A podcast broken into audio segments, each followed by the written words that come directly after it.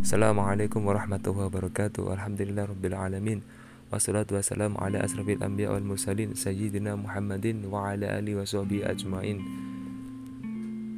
Dalam podcast Nafas Zaman episode kali ini kita akan mengangkat sebuah tema yang berjudul Perlukah Menjadi Sufi?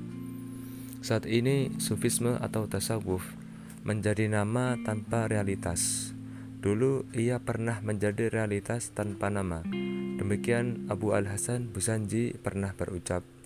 Masa yang dia maksud adalah pada abad ke-10 Masehi, yakni sekitar tiga abad setelah masa hidup Rasulullah SAW.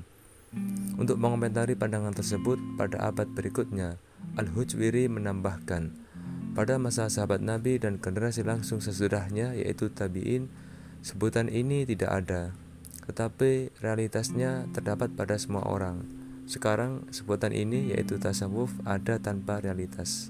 Al-Hujwiri dalam Kasyuf Al-Mahjub bab 3.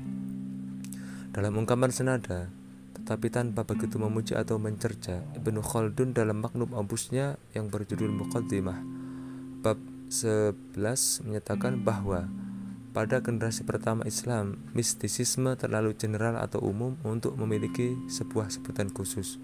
Tetapi ketika keduniawian begitu luas dan masyarakat semakin cenderung terjerat dengan jaring kehidupan ini, mereka yang mendedikasikan dirinya untuk beribadah kepada Allah Subhanahu wa taala dibedakan dari masyarakat yang lain dengan julukan sufi. Dalam Martin Links, bukunya yang berjudul What is Sufism? Terjemahan Pustaka Sufi halaman 55. Pandangan para tokoh Islam lintas zaman itu jika ditarik titik temunya secara sederhana, akan bertemu pada satu titik kesimpulan bahwa sejak masa Rasulullah SAW hingga ke akhir zaman, tasawuf adalah sebuah realitas yang akan selalu hidup meskipun tidak bisa dipungkiri semakin menuju akhir zaman nilai agung tasawuf tersebut kian tereduksi dan hanya menjadi label semata. Bahkan karena ulah beberapa kelompok yang mendaku sebagai kelompok sufi palsu atau pseudo sufi, tasawuf kian tercemarkan namanya. Sebagian kelompok Islam yang sedari awal alergi dengan kalimat tasawuf akibat ulah jahil yang tidak berdasar ilmu dari kelompok sufi palsu akhirnya kian menemukan hujah atau dalil untuk memukul secara serampangan bahwa tasawuf atau sufi itu adalah sesat. Padahal, jika merujuk kepada kitab-kitab para tokoh sufi besar, maka tidak akan didapati di dalam ilmu tasawuf itu ajaran yang menyimpang dari jalan Rasulullah SAW.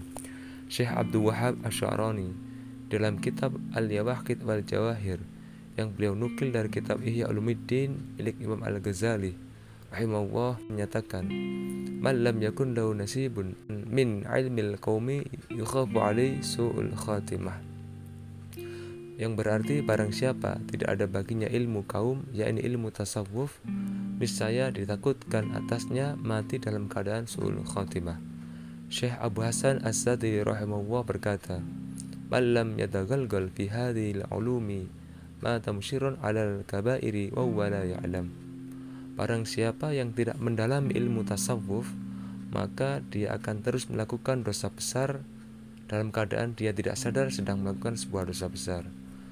Syekh Ibnu Abbad dalam Syarah Al-Hikam Lil Ibn Atta'illah mengatakan dan inilah ilmu yakni ilmu tasawuf yang sejogyanya bagi semua manusia untuk menenggelamkan usianya yang panjang di dalamnya yaitu untuk mempelajarinya dan tidak boleh merasa puas dari mempelajarinya yaitu mempelajari ilmu tasawuf tersebut.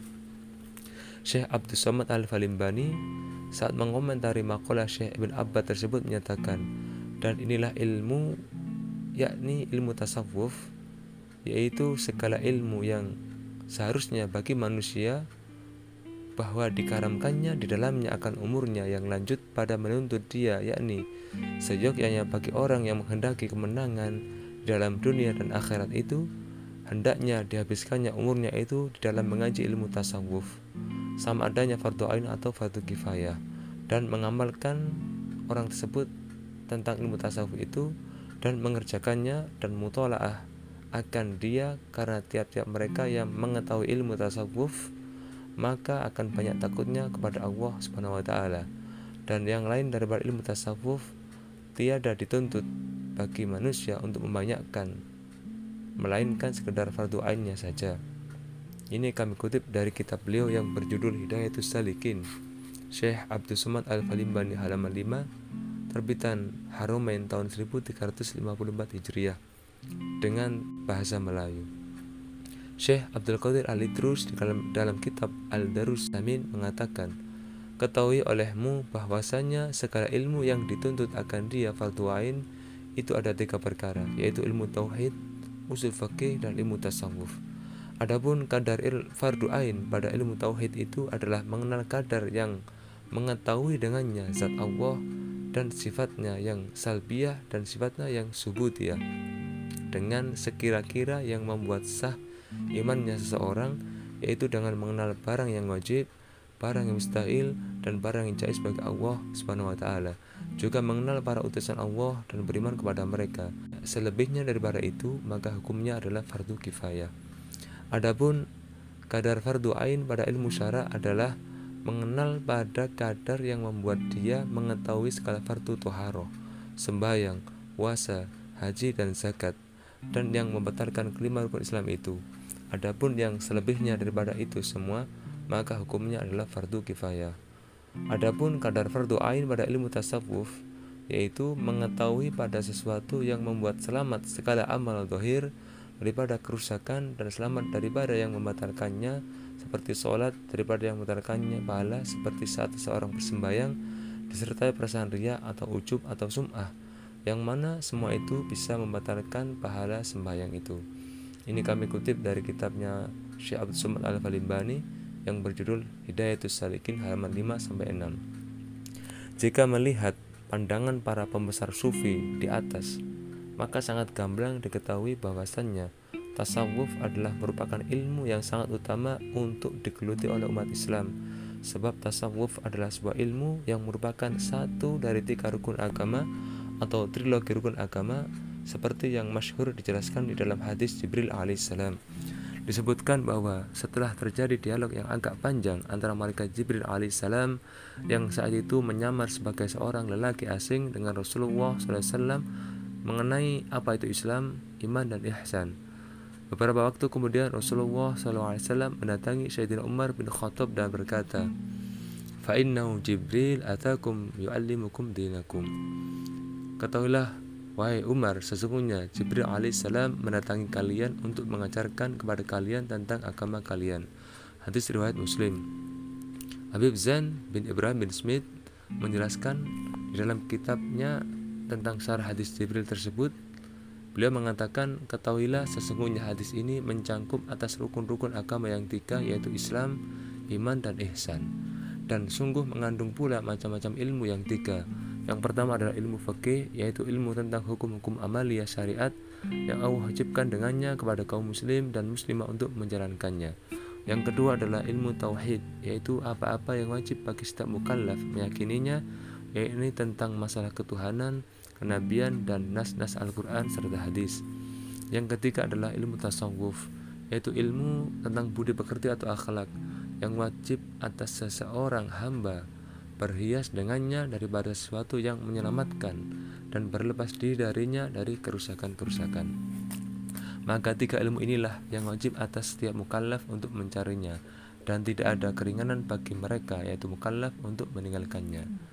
Ini kami kutip dari kitab Hidayatul Talibin fi Bayani Muhammadiddin Syarah Hadis Jibril halaman 14 cetakan Darul Ulum Al-Islamiyah karya Habib Zain bin Ibrahim bin Smith.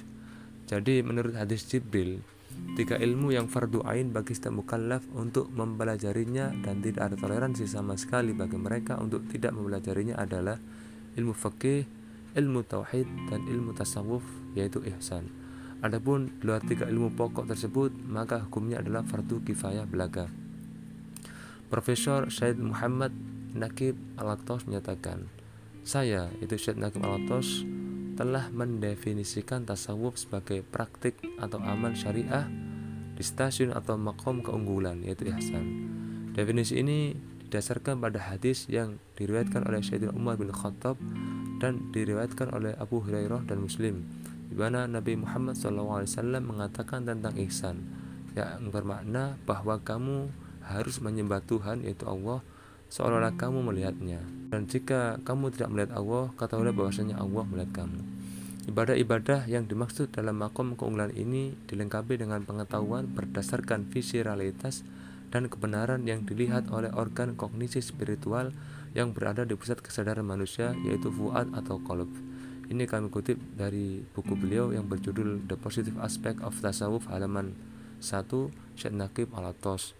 Imam Junaid Al-Baghdadi mengatakan, Ma'akhotna at-tasawuf anil qil wal qal walakin anil ju wa tarki dunya wa qat'il ma'lufat wal mustahsinat kami tidak mengambil sumber ilmu tasawuf ini dari katanya ini dan katanya itu atau sumber yang tidak jelas akan tetapi kami mengambil ilmu tasawuf ini dari lelaku berlapar-lapar yakni kegiatan berlapar-lapar sering berpuasa meninggalkan dunia dan memutus semua keakraban dan kelayakan dengan dunia sebagian ulama sufi ditanya mengenai tasawuf mereka berkata, "Wal khuruj min kulli khalqi daniyyin wa dukhuli fi kulli khalqi saniyyin."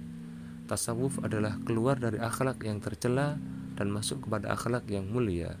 Ini kami kutip dari kitab Al-Wasaya An-Nafi'ah lil Imam Al-Haddad halaman 30.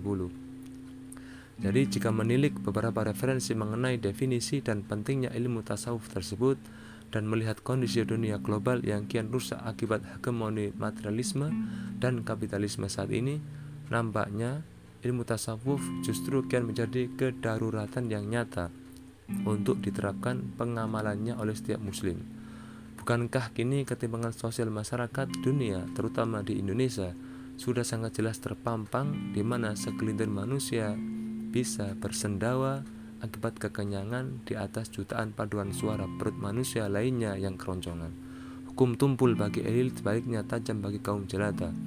Penjilat penguasa leluasa berkicau, sedangkan yang kritis dibabat habis. Ini semua merupakan salah satu contoh akhlak tercela yang kini sedang melanda kehidupan manusia secara merata. Sedangkan tasawuf yang bertujuan untuk mengeluarkan manusia dari akhlak yang rendah untuk memasukkannya kepada akhlak yang mulia. Maka tasawuf sudah tentu merupakan sebuah kebutuhan yang mendesak hari ini. Artinya, masing-masing individu saat ini memang perlu menerapkan nilai-nilai tasawuf dalam kehidupannya, meski tanpa menyebut dirinya dengan identitas sufi sekalipun. Wallahu a'lam bishawab.